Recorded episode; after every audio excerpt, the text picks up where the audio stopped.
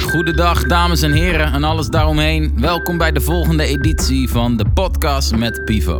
Ik zit deze keer in de studio met een enthousiaste, spontane jongeman en een echte ondernemer puur zang. Hij kan dit niet onder stoelen of banken schuiven en doet dat dus ook niet. Lang leven dat. Een liefhebber van data-analyse en muziek. Zijn naam is Jordi Dam en hij weet mensen te bereiken. Met zijn bedrijf Local Focus maken ze infographics, oftewel visuals, van allerlei onderzoeken. En de kans is super groot dat jij die gezien hebt. Onderzoeken over corona, eh, besmettingen, verspreidingen, etc. als recentste werk zijn door hun gemaakt of gefaciliteerd. Zijn andere tak van sport is rap en hip-hop gecombineerd met humor. Hij begon gekscherend de Instagram-pagina Rap Fact Check en deed onderzoek naar hoe waar is het eigenlijk wat een rapper rapt. Dit groeide uit vanwege hoe leuk het is, spreek ik uit eigen ervaring. Inmiddels geadopteerd door Topnotch en uitgegroeid tot een volwaardig bedrijf. Jordi weet zichzelf goed bezig te houden, ook nog steeds in de muziek. En wij hadden een prachtig gesprek over wat heb je allemaal meegemaakt om je te brengen waar je bent. En wat ben je eigenlijk allemaal aan het doen? Bij deze zijn jullie getuigen. Enjoy. Ja. Uh, en nou heb ik jou heel mooi op volume. Ja. Ga ik dat bij mezelf nog een beetje regelen. Jij hoort jezelf goed, denk ik. Ja, top. Ja, zeker. Top. Ik Ja. ook. Uh, dan mocht je daar wat aan willen doen, hebben we daar knoppen voor. Maar Ja. dat hoef ik jou allemaal niet te vertellen als je met Reason kan werken. dan gaat het vanzelf wel goed. Kabeltjes trekken, hè, daar eh, in Reason. Dat is hem, hè? Af en toe. Jordi, leuk dat ik hier mag zijn. Jordi Ja. Dam. Ik ga jou ook in het intro uitgebreid eh, voorstellen. eh, Ja. Want ik ga nu niet een soort riedeltje houden. Ik heb wel mijn research gedaan eh, naar jou. Dat ga je wel ontdekken, hoop ik, aan de hand van de vragen die ik ook stel. Maar ik vond het wel, wel leuk begonnen zijn. Ehm, jij zegt dat je muziek maakt in een... Noem je dat dan ook een, een bandje of een formatie? Ja, ja een, een band eigenlijk wel. Want we zijn met z'n tweeën. En ik doe, eh, programmeer alle elektronica in, de bas en de zang. En met de maat van mij op drums. En dat is waar we echt over na hebben gedacht. Want we willen wel eens twee muzikanten samenspelen. En niet als dat ik dan de frontman, zanger ben en een live drummer heb of zo. Want dat is helemaal niet de dynamiek die ik gewend ben. Omdat ik voorheen ook altijd vanaf mijn vijftiende tot nou ja, een paar jaar geleden altijd in bandjes heb gespeeld. Dus Kijk. dat bandidee zit er wel in, ja. Tof. Ja. Had jij eh, de ambitie om, toen jij begon met muziek maken, eh, podia te pakken en daar ook mee groot te worden? Ja, ehm, ik heb dat ook een tijdje best intensief gedaan. Ehm, dat is best een leuk verhaal. Ik had eh, toen ik een jaar of 18 was of zo, met een paar vrienden zijn wij een, een, een hobbybandje begonnen. Onder de naam eh, Haribo Macht Kindervrouw. Nou, zoals je doet vermoeden, eh, was het natuurlijk allemaal voor de fun. En wij Ja. wilden gewoon hele lompe metalcore. Dus echt zware, zware metal wilden we spelen. Maar dan gewoon met gekke samples en rare dingen over gekke thema's. Ik bedoel, de naam eh, eh, Ja. ja, straalt al fun uit. Ja, ja, ja. Zijn we toen gaan doen. En eh, na een paar jaar en vooral heel veel in Duitsland gespeeld te hebben, ehm, kregen wij een vuistdik pakket van een advocatenkantoor in Bonn op de mat. Dat zit zo, wij, wij zouden op een festival spelen in Bonn. En in de Bonn Ja. site toen stond een stukje over ons, onder andere over dat festival. En een foto erbij. En natuurlijk onze bandnaam, Haribo Macht Kindervrouw. En toen dachten ze daar op dat hoofdkantoor van Haribo in Bonn van... hé, hey, dat is een mooi potje copyright schending. Wat Ja. het natuurlijk is. Want ja. dit is gewoon hun slogan. Ja, Ja. Oh, ook, oh letterlijk. en Dat daar, je hebt niet, het hier, ja. eh, eh, heb je dat eh on, Onbegrijpelijk. Haribo, zoiets, ja. En in Duitsland is het gewoon, dat staat op de zakjes... Haribo macht Kindervrouw und Ah. Erwachsene ebenso. En die hebben jullie gepakt. Ja, die hebben we gepakt en dat mag Ja. niet. Vuistdik rapport van advocatenkantoor met allerlei voorbeelden. Eh, ze hadden echt flinke research gedaan van merchandise voor ons en de cd die we hadden uitgebracht van hey, dit is allemaal copyright schending. Ja. En ook nog een soort van marktscan waaruit zou moeten blijken dat wij eh, in Nederland ehm, ja, eigenlijk niet onderuit konden dat we Haribo niet zouden kennen. Dus van hey, Haribo heeft echt een monopoliepositie in Nederland en die slogan die staat ook op de zakjes. Dus je kunt niet zeggen, dit Ja. wisten we niet. ja. Moesten onze naam veranderen. Oeh. En ehm, toen zijn we een tijdje door het leven gegaan als we are the best band in the world.com, wat onze URL was. Maar wat wel grappig was, we Ja. hadden van die grote backdrops eh, achter eh, de drummer. En toen hebben we elk optreden gingen we wegens legal issues met de grote ladder op het podium staan en dan die naam aftapen. Dus daar maakten we dan ook weer een soort toneelstukje Vet. van. Dus uiteindelijk Ja. werd dat ook weer de gimmick. Ehm, dus ik heb het een tijdje gedaan als een soort van uit de hand gelopen grap. Ja. Klinkt wel als, je, als iemand die toen al wel ideeën had van concepten. Dat je een band hebt. Je verzint eerst een goede, nou, je, leent een goede naam, laten we het netjes zeggen. En vervolgens ga je daar ook wel weer mee eh, iets doen. ja, dat was ook het hele ding. Eh, dit concept om die band heen. Hè. Het was allemaal grappig. We hadden felle kleuren aan een ballon op het podium. eh, gekke electro, eh, Eurohouse samples. Daarom vonden ze het in Duitsland zo leuk. Ah ja. ja. Ehm, en, nog steeds dus die metalcore, wat zei je? Ja, net? ja, Dat- ja, die metal zat, zit daar. Ja, precies. Dat was echt dat genre. Maar dan mixten we dat met Eurohouse. Dus van die hele goedkope eh, synthesizers en van Mhm. die, van die eh, flauwe kicks. Maar dat vonden Ja. ze in Duitsland en ook hier in Nederland wel natuurlijk echt prachtig. Ja. Want het is allemaal lekker over de top. En dat eh, past daar wel goed in. Maar dat concept hoorde daarbij. Ja, ik bedoel, het feit dat we dan die, daarna die naam moesten veranderen op het podium. Dat af gingen tapen. Dat was allemaal dat, dat hele conceptuele ding dat daar omheen hing.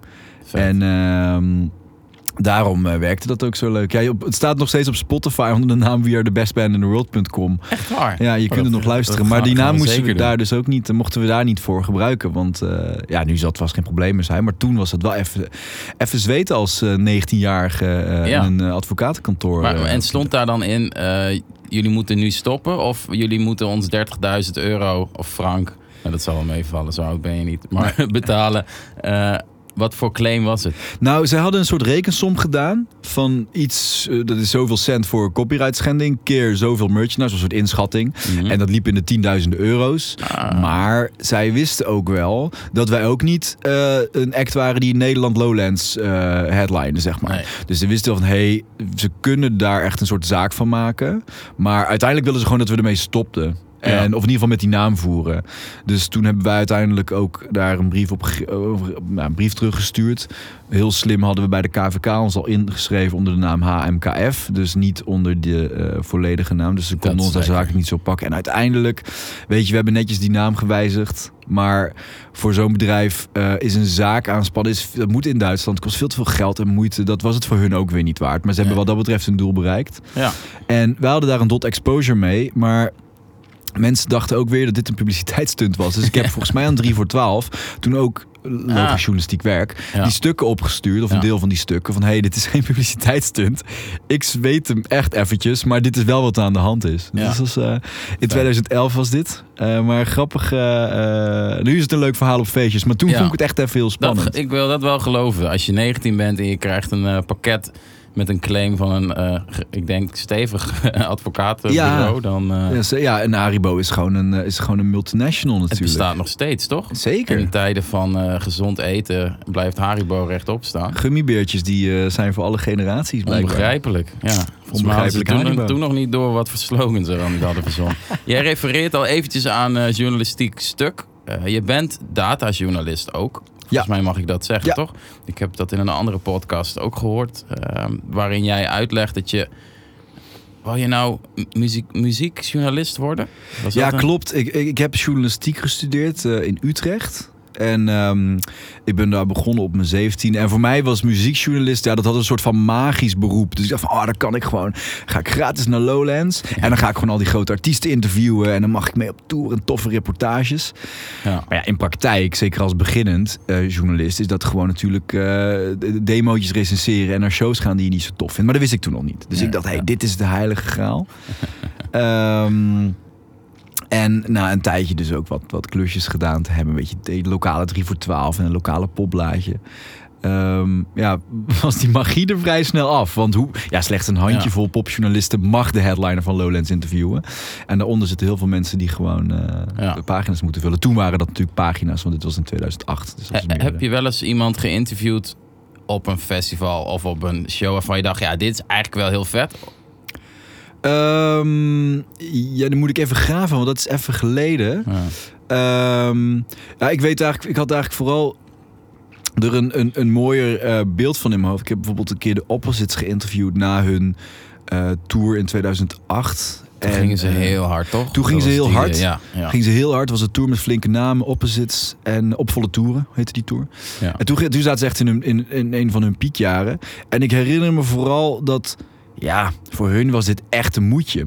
En ik, ik vond het super tof. Ik was echt 18 De show of 19 het interview met nee, je- nee, de show niet. Nee, de, de- het ja, interview. natuurlijk. Ja, ja. Dus ja. ik me voorbereid en ik dacht, oh, de opposite vette artiesten. Ik had best wel voor mijn gevoel eh, diepe vragen eh, en ook terugpakken naar hun eerdere muziek, bla bla bla. Ja, goed voorbereid. Eh, Goed voorbereid met mijn boekje, helemaal het, het, het, het mannetje, dacht ik. En voor hun, ja, ehm, ik schreef voor een websiteje. En ehm, ja, ze hadden nog tien van die dingen. Maakt dat wat uit? Dus, eh, dus ik weet vooral dat ik toen een beetje teleurgesteld Ja. was in het magische beeld dat ik had. Ah, en ehm, was dat ook een eh, ding voor jouw carrière? Dat je dacht, oh, zo magisch is het niet? Of ga, is dat te sterk gezegd? Nou, weet je, het- het- het, eh, deels misschien. Maar ik wist vooral niet zo goed wat ik dan wel tof zou vinden. Zoals- en tegen ja. alles wat ik nu aan, of tegen alles wat ik nu doe, ben ik toevallig aangelopen. Dat is Ja. echt het, gewoon mazzel geweest eigenlijk. Voordat we eh, gaan naar waar je nu tegenaan gelopen bent, ik wil nog even terug naar, eh, volgens mijn onderzoek kom je uit Roosendaal. Ja. Dat, als Dat daar klopt. ben je dan geboren en getogen. Ik heb, ja, ik heb daar eh, 17 jaar gewoond. Dus totdat ik ben gaan studeren en op mezelf ben gewoond, ben ik opgegroeid in Roosendaal. Ja. En je bent gaan studeren in Utrecht. Ja. Ik ken Utrecht een beetje, maar Roosendaal helemaal niet. Wa- wat is Roosendaal voor plek? Eh, nou, dat is wel grappig dat je dat zegt inderdaad. Want Roosendaal is best een gro- middelgroot provinciestadje. Er wonen zo'n 70.000 mensen. Maar het staat niet echt op de kaart. Als in, het, is, eh, het was altijd heel lang de eindbestemming met de trein naar Brabant. Ja, daar ken ik het van. Oh, de trein naar België, Ja. sorry. De la- Ja. Nou ja, voor, la- voordat je naar eh, de grens overgaat, stop je in Roosendaal. Het is net geen Zeeland. Het is West-Brabant, maar voor Brabo's is het dat niet. Want dat is Ja. Eh, Tilburg, Breda, Eindhoven. ja. Eh, en het heeft ook niet echt een culturele stempel. Dus daarmee is het een beetje zo'n onbekend plekje. Maar Ja. het is wel een plek eh, waar het heel, heel easy is om op te groeien. Het is gewoon een, stadje. Het is rustig, maar er is wel wat gaande. Het is geen echte uithoek. Je bent zo in Rotterdam, je bent zo in Breda. Dus daar ging ik als tiener dan ook vaak naartoe. Oké. Maar voor mij ehm, was het ook wel een plek waar ik vrij snel alles gezien had voor mijn idee. Het heeft bijvoorbeeld het heeft geen poppodium. Dat, dat willen was- ze heel maar dat komt er niet. Het heeft Nee. geen festivalcultuur. Te Eh, weinig mensen, te weinig jeugd misschien ook. in ieder geval in, in creatieve zin waar ik me graag in bevind wel, Ja, ja. ik kan me best voor als misschien daar wel een plek was geweest... want ik was toen al met muziek bezig... die eh, erg had gebruist. Een poppodium met oefencentra of, een, of, een, of een festival wat er nog bij hoort. Dan had dat misschien wel meer aantrekkingskracht gehad. Terwijl ik nu op mijn 17 had van... hey, ik ben eigenlijk wel benieuwd wat er verder nog allemaal gaande is. Want in de stad waar ik ben opgegroeid, Ja. met heel veel plezier... is, is dat creatieve deel er helemaal niet. En nu volgens mij nog minder dan toen. Ook kom je er nog wel eens? Nou ja, om mijn ouders te bezoeken. Maar eh, ik heb eigenlijk in die tussentijd... en dat klinkt misschien een beetje... ehm, een beetje sneu, maar dat is helemaal niet zo. Eh, ik heb helemaal geen vrienden meer van daar. Oh ja. Die zitten allemaal in, in, in de Randstad eigenlijk, in Amsterdam en Utrecht. Herkenbaar. Die, die komen uit jouw studietijd en wat Ja, daarna en kwam. daarna, ja. Ja. ja. En, ehm, en weet je, ik kijk met heel veel plezier terug op Roosendaal hoor. Ik vind het ook een hartstikke leuk stadje om te komen. En eh, ik, eh, ik zeg ook altijd voor de grap dat ik eh, sinds 2011, toen RBC Roosendaal failliet ging, geen voetbalclub meer heb om te supporten. Dus Oh. ik ben nog steeds beschikbaar voor Ja. een beetje troosteloze club uit de keukenkampioen divisie. Want het moet... ja, daar heb ik te weinig verstand van om er één te noemen. Ik zou zeggen Willem II. Maar dat is mijn go-to voor Brabant. Oh ja. ja, ik zat te denken aan Telstar of Almere City. Dat is niet zo ver van Amsterdam vandaan, waar ik nu Hey, woon. ja. En het heeft wel een bepaalde troosteloosheidfactor. Want het moet niet te veel bra- bravoure hebben. Want dat had RBC Roosendaal destijds ook zeker niet. Nee, ja? En daar kan ik me nog wel wat van herinneren. Die, eh hoe heette die, die voetbalplaatjes die er toen waren. Top, top shots. Ja, dat zijn die flippo's. Volgens mij ook Panini, eh, die plaatjes. Ja, daar zat, eh, zat de RBC bij. Oké, dus je koestert wel warme herinneringen aan Roosendaal. Dat was een, een fijne plek om op te groeien. Ja. Ehm, je zegt al, ik was daar al met muziek bezig. Hoe ben je met muziek in aanraking gekomen? Ehm, nou, ik, ik was een jaar of twaalf, denk ik. En ja, zo'n zo'n skaterkid. Zoals in die tijd was. En dat was Ja. gewoon dan tof om Was, dan... was er een skatebaan? Even Er was een skatebaan. Ja, Kijk, ja kijk, die ja, hebben ze op een gegeven moment wel aangelegd. Oké, maar ja. Ehm, maar dus heel erg met muziek bezig. En dat was toen vooral eh, rock en metal en een beetje die, die, die alto dingen, Limp Bizkit en zo. Eh, En ook rap metal trouwens. Wat ik toen, eh, daar is een beetje de liefde voor beide begonnen. Juist. Ehm, en ik wilde een instrument bespelen. En dat was voor iedereen, in die tijd was het natuurlijk of gitaar, eventueel drums. Maar dat, eh, dat waren wel de instrumenten die je wilde Ja. bespelen als, eh, als 12-jarige. En toen zag ik op de voorkant van de muziektijdschrift Oor een foto staan van de band Mastodon. Dat is een metalband. Ja. En eh, die hebben een zanger, bassist, Troy eh, Sanders. Nou, het maakt verder niet zo uit. En ik vond hem zo cool, want hij was de frontman van de band. Ja. En normaal is dat of de zanger of de gitarist-zanger, hè, dat is niet de bassist. En hij is die frontman. Dat vond ik super ruig. Hoe En- uitte zich dat? Hoe, hij stond dan voor op de foto's en voor op het podium. Het was een live foto. En ik, hij was dus bassist en zanger. Hij- En hij stond daar ook gewoon prominent. Een coole Ja. kerel. En toen ben ik, eh, Ja. eh, heb ik een bas gekregen van mijn ouders. Zo'n startpakketje van 125 euro. Maar en ben ik ook, ook muziek zo van, maken. pap, mam, kijk deze guy, ik wil dit ook. Of gewoon, pa- ik wil een basgitaar. ja, ik weet, ik weet niet meer precies of ik hem heb Nee. laten zien. Dat denk ik niet. Maar ehm, toen had ik wel van, hé, dit vond het ruig. Eh, Weet je, een, een- Ja. een bas is een log ding, vier snaren. Je kunt er Ja, lekker op rachen. Ja. En dat vind ik veel, veel gaver dan, eh, dan dat delicate wat de gitaar heeft. Eh, Ja. Dus toen ben ik muziek gaan maken ja. Eh, en Vet. bas gaan spelen. En weet je wat het is? Uiteindelijk, en dat is misschien wel een lijn voor in alles wat ik doe. Het is een, een, een bas was eh, een beetje een muziekinstrument voor de buitenbeentjes. Of voor de underdog, zoals je wil. In ieder geval, Ja. iedereen koos voor gitaar en drums. Ja. Ah, fuck it, ik ga bas spelen. Ja. Dat is, want dat, dat, dat doet niemand. Dus dat is best wel apart. Ah, en ik heb me een paar keer later, in mijn, daar komen misschien nog op, maar meer van dat soort keuzes gemaakt. Eh, door net even iets te kiezen wat andere mensen links laten liggen. ja. En wat daar misschien een beetje een soort van hele leuke underdog positie uit ja, en misschien een Eh. mooie manier wel to stand out. Toch? Exact. Ook. Dat, Ja. dat, dat vond ik toen al, al wel tof. Vet. En Ja. nu nog steeds. Dus dat was mijn, ja, m- mijn kennismaking met, met muziek maken. En wat wel leuk is, is dat het toen... Ik noemde het net al heel eventjes. Zowel die metal dingen en rock dingen als die hip-hop dingen eh, vond ik toen al gaaf. En dat is eigenlijk nog steeds zo. Dat is gewoon blijven hangen. Ja. Eh, deden jouw ouders aan muziek maken? Of jouw familie? Was het standaard om iets te gaan doen? Of? Nee, niet per se eigenlijk. Eh, mijn, mijn vader en, eh, is wel echt een muziekliefhebber. In de jaren tachtig eh, luisterde hij heel veel, heel veel punk. Ja, Dus- luisteren lekker. Ja. Luisteren precies, ja, ook wel een blauwe maandag gedrumd. Maar nee, het is niet dat ik uit een muzikaal nest kom, maar wel eh, een, een, een omgeving waarbij alle muziek die ik wilde luisteren gewoon geluisterd mocht worden. En, Juist. en dat was, of dat nou extreme metal of, of extreme gangster rap, weet je, er zijn misschien eh, ouders of zo die dat niet tof vinden en expliciete taalgebruik niet waarderen. Maar dat was bij mij nooit zo. En ook hoe ik eruit wilde zien. eh, weet je, een, XL. Wu-Tang t-shirt en dreadlocks Ja. op mijn twaalfde, wat allemaal veel te... te- Echt waar? Had jij ja. dreadlocks? Ik had zeker dreadlocks, ja. White people with dreads. Ja. Kon gewoon in die tijd. Ehm, maar dat, dat, dat mocht ook allemaal. Ja. En ik denk dat ik daar heel erg mijn muzikale voorkeur en identiteit door heb kunnen ontwikkelen.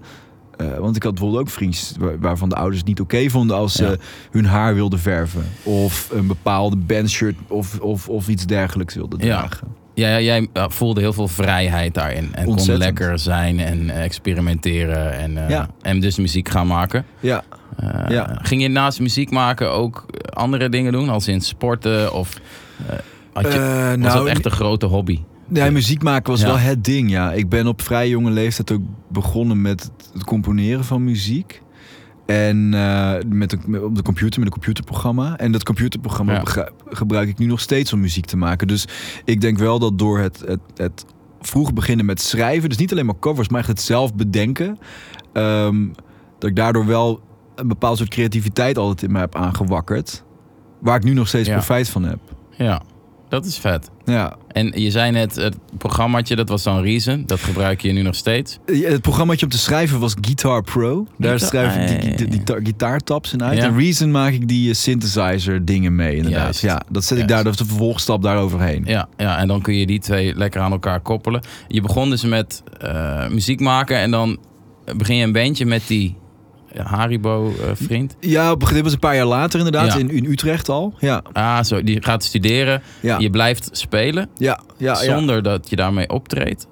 Of met. Nou, dat kwam op een gegeven moment wel. Maar kijk, je moet het zo zien. Ik luisterde destijds superveel naar dus, dus metalachtige dingen. Hè. En dat is best wel een heftige, of een heftige, een, best wel een hechte scene. Ehm, en wat ik heel leuk vind aan metal en metalcore en hardcore punk... is dat ik daar... eh, in Utrecht kende ik eigenlijk niemand. Maar door naar wat Ja. concertjes te gaan daar... ehm, kwam ik daar al vrij snel in een community terecht. Ja. En ik denk dat dat met, met, met dat genre zo is. Ik denk dat het met eh, met hip-hop bijvoorbeeld ook wel in een bepaalde mate is. Eh, maar misschien als je wat meer mainstream muzieksmaak hebt, dat dat wat lastiger is. Dus, ik, dus Ja. bepaalde subgenres hebben mij ook geholpen om nieuwe mensen te leren kennen. Waar ik nu nog steeds vriend mee ben of muziek mee maak. Ja, ja je, je, je bedoelt, als ik je goed begrijp, door een, een beetje niche-achtige smaak te hebben, beland je ook in, eh, nou, community is misschien een groot woord, maar ja, een soort van ja. ja, groepen waarin jij je eh, op, nou ja, opgenomen voelt, misschien een groot woord, maar je ging naar Utrecht en dan Ja. maak je ook vrienden. ja, En dan tref je iemand die zegt, hé, hey, maar ik, eh, drum. Precies, precies. Ja, ja precies. Ja. Ik, ik speel drum. En eh, ik ken nog wel iemand anders die heeft gitaar. Eh, zullen we een keer oefenruimtecentrum D-Base induiken en wat gaan doen? Ja, En dat is wel leuk, want ik ervaar dat soort dingen nu nog steeds. Maar dan is het meer vanuit de Nederlandse hip-hop niche waar ik nu natuurlijk in zit. Mhm. Ehm, dat die bepaalde subcultuur een hele makkelijke en prettige manier is om nieuwe mensen te ontmoeten. En ik denk dat, eh, nou, als ik naar bepaalde vrienden kijk die een minder uitgesproken muzieksmaak misschien hebben, die ontmoeten hun vrienden misschien via werk of zo, of, of via via via Ja. eh, gewoon aanhang, dat soort dingen. Maar ik heb on- ontmoet nog steeds mensen ja, vanuit de muziekcultuur. ja, En dat vind ik wel tof, want ik ben niet. ehm, eh, ik werk niet in de muziekindustrie primair of zo. Dus, ehm, dus, dus nog steeds helpt muziek mij bij het ja, ontmoeten van nieuwe mensen. ja. Ja. Ik schrijf ondertussen even een vraag op die ik Ja. eh, jou zo nog wil gaan Dat stellen. is goed. Het, het blijft je helpen bij het ontmoeten van nieuwe mensen. Eh, vind jij het leuk om mensen te ontmoeten? Is dat iets wat, wat drive geeft aan jouw werk? Jazeker, ja. ja want ehm, uiteindelijk, ik doe nu vi- vier jaar ben ik bezig met Rap Fact Check, mijn Instagram account. Ehm, en ehm, ik heb in die tijd zoveel mensen ontmoet die ik zonder dat project niet had leren kennen. Want ik ben werkzaam in de journalistiek. Eh, Ja. eh, Veel vrienden van mij zitten daar ook uit. Maar dat is, dat is niet iets waar ik anders tussen had gekomen. Dus dat, is, dat vind ik superleuk. En dat, dat, ehm, wat dat betreft ben ik best een sociaal dier die gewoon heel veel van oude hoeren houdt. Ja, En als die club mensen met wie ik dat kan doen steeds groter wordt, dan ben ik alleen maar tevreden. alleen maar beter. En dan eh, even heel actueel. We hadden eh, corona, of we hebben dat. Tenminste, wij twee niet. Maar het was een ding in de wereld. Ja. Daar heb je toch een periode waarin je mensen niet echt ontmoet. De, hoe, heb je ja, daar klopt. last van gehad? Was dat gaande bij jullie? Ehm, vanuit persoonlijk, op persoonlijk Ja, vlak doe- ja, bedoel je? Ja. Ja, nou ja, weet je wat het is? Ik, ik, ik vind het wel. eh, ik vind het, het leuk om mensen in het echt te ontmoeten. Dus bij, bij als, als, er, als ik trainingssessies geef, of workshops of meetings heb om creatieve Ja. dingen mee te bespreken. Kijk, iets online is geen vervanger voor een echte meeting. Nee. Als wij deze podcast op afstand hadden we kunnen doen, Ja, dan had ik daar eh, minder energie uitgehaald dan dat we het eh, nu wel eh, in real life doen. definitely. Ja. Eh, dus, dus dat vond ik wel, ehm, wel, vind ik wel lastig. Ja. Eh, vond ik lastig de afgelopen maanden. Dus jij bent blij dat eh, sinds gisteren de sportscholen of eergisteren weer open zijn? Ja, bijvoorbeeld. ja, precies. Ik was, ik was Ja. er gisterochtend toevallig. Ah, ja, tuurlijk. Maar ehm, eh, nee, maar dat, dat, dat, ook, ook op, op creatief vlak. Ehm, of het nu gaat om mijn journalistieke werk dat ik doe, of om het werk dat ik voor Rap Fact Check doe. Ja, ik haal heel veel energie uit met mensen om me heen kunnen sparren over invullen van bepaalde projecten. Of nou goed, het is een beetje de inhoud van het werk wat abstracter nu, maar het invullen daarvan eh, is even in de breedste zin van het woord. ja. En ehm, ja, dat, dat is op afstand natuurlijk met, met, met meetings online of met, met Ja. chatprogramma's zoals Slack is dat niet hetzelfde. Dus eh, ik, heb dat, ik heb dat wel gemist. Maar ik ben wel blij dat in die hele periode eh, ik constant toffe dingen ben kunnen blijven doen. Zowel op, op rap, rap fact check gebied als op mijn journalistieke gebied. Want ik ken genoeg Ja. mensen die daar ja, Ja. een writer's blok hebben gehad of stil hebben gelegen op creatief Ja. vlak. En dat Ja. is helemaal zonde. Ik, ik, eh, volgens mij hoorde ik het jou ook al zeggen aan de telefoon vorige week. En ik las het ergens anders ook nog terug. Eh, Hip-hop is een muziekstroming die kan altijd iets maken en uitbrengen. Want je kan ja, gewoon of in je eentje of je stuurt iemand een beat. Je gaat wat maken. Je kan, hoeft niet de hele band in een oefenruimte te, te houden. Dus jij, zeker met je rap fact check, bleef wel dingen te doen hebben. Nou denk ik dat als jij niet iets te doen hebt, je wel iets verzint waardoor je iets te doen houdt. ja, dat klopt. Ja. Schat ik zo in. Dus wat dat betreft, ehm, heb je in die periode eh, ruimte gehad of gedacht van... hé, hey, ik wil nu iets doen wat ik juist altijd al had willen doen... of waar ik nu tijd voor heb, of ik moet mezelf er weer ophelpen, whatever. Gewoon een nieuwe impuls. Ja, ehm, wat betreft Rap Fact Check. Kijk, normaal gesproken maak ik daar infographics op basis van teksten van Nederlandse rappers. Ja. Dus dat zijn allemaal visuele leuke snippets, plaatjes, filmpjes. Ehm, en ik wilde al een tijdje ehm, binnen een nieuw format muziek aandragen van upcoming artiesten die ik heel tof vind. Ja. En dat, uh, dat concept heb ik Jonge Jongen naar de top uh, genoemd. Uh, vrij naar een liedje van Herobi. En ik vond het heel passend. Want ja, het zijn vaak jonge jongens. Maar mogen ook ja. vrouwen zijn die de muziekindustrie in willen. dus ik heb in die tijd dat concept uitgewikkeld. Door zelf korte filmpjes te presenteren. Waarin ik een ja. upcoming artiest uitleg. Ja. Of, Wat je leuk doet. Als je het mij vraagt. Ja. Dankjewel. En dit was iets waar ik al langer mee zat. Ik dacht van nou, dit is misschien het moment. Ik heb door niet te hoeven forensen bijvoorbeeld wat meer tijd over dan normaal. Uh, laat ik eens even kijken of dat werkt. En uh, ja, dat is iets wat, wat, wat wel in één keer in die periode kwam. Van laat ik eens even kijken of dat kan. En ook de eerste keer dat ik actief met mijn eigen kop in beeld bij Rap Fact Check ben. Juist. maar die reacties daarop zijn cool. En ik dacht, ik, ik, ik draag in dat, in dat format persoonlijk een artiest aan die ik heel tof vind, waar ik ja. veel in zie. Dus dan kan ik ook daar een persoonlijk verhaal bij vertellen. Ja. Um, dus, dus dat is in die tijd ontstaan. Vond je uh, het spannend om je persoonlijk te koppelen aan Rap Fact Check? Wat je natuurlijk altijd al was, maar dat wist niemand. Maar nu veel meer. Ja, ja, best wel hoor. Want um, kijk, ik, ik ben geen anoniem account. Hè. Als je even zoekt, dan vind je mijn naam en dan zie je Zeker, andere ja. uh, dingen die ik online heb gezegd en gedaan. Maar mijn account waren altijd de visuals. Mensen volgen het omdat ze de, de grafieken uh, op basis van die teksten grappig vinden. Ja, of omdat ze de, uh, de korte filmpjes gaaf vinden. Dus ik was wel benieuwd van zitten mensen wel op mijn verhaal te wachten. Ja. Um, en, en, en, en dat, dat bleek wel, ja, dat, die, die reacties zijn cool. Weet je? Ik heb Tof. niemand gehoord die zegt van ja, wat is dit nou weer voor, voor, uh, voor verhaal of zo. Ja. Check, Ehm, check je dat actief? Uh, wat zeggen mensen? Wat zijn reacties? Ja, op, op, ja, ik heb wel alle notificaties van ah, trouwens al mijn social media apps uitstaan op mijn Heel telefoon. goed. Maar um, ja, ik kan het soms toch niet laten. Ja, Um, ja, ja. ja interessant. Ja. ja. Uh, dus dat check ik wel, ja.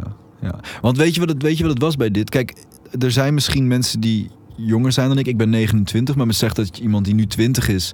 Uh, en veel meer is opgegroeid met een cultuur om zichzelf te filmen... Ja. en zich naar een, een telefooncamera te vertellen... die zou dat waarschijnlijk al lang gedaan hebben. ja. Uh, maar dat is misschien een beetje met mijn ding van... ik ben een mediamaker en ik sta daar zelf niet per se centraal in... want ik heb een format ontdekt waarin de beelden centraal staan. Dus, en ik ben het ook niet gewend om mezelf constant vlogstijl te filmen. Dus ik vond dat best wel een drempel. ja. Terwijl als je nu ziet dat, nou ja, met, zeker met de komst van bijvoorbeeld TikTok is het super. Daar kun je alleen maar jezelf filmen. Is dat veel normaler. Dus ik denk dat het misschien ook nog een leeftijdsding is van een drempel die je over moet om jezelf in de spotlight te durven zetten. Ja. Um, ten opzichte van iemand die weer tien jaar jonger is dan ik. Zee, dit uh, is voor mij heel herkenbaar. Ik ben 33, maar ik ben uh, ook opgegroeid zonder camera's in principe.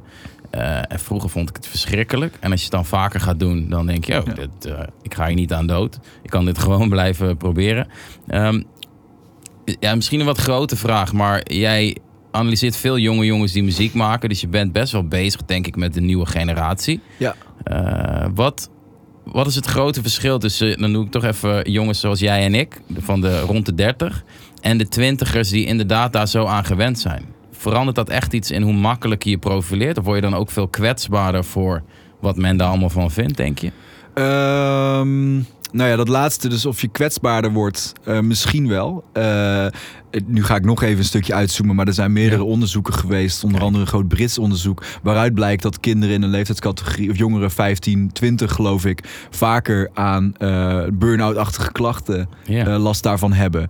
En dat is echt niet door de schoolprestaties of zo. Dat komt gewoon vooral door de prestatiedruk die vanuit social media voortkomt. Dus ik kan Ja. me dat best voorstellen.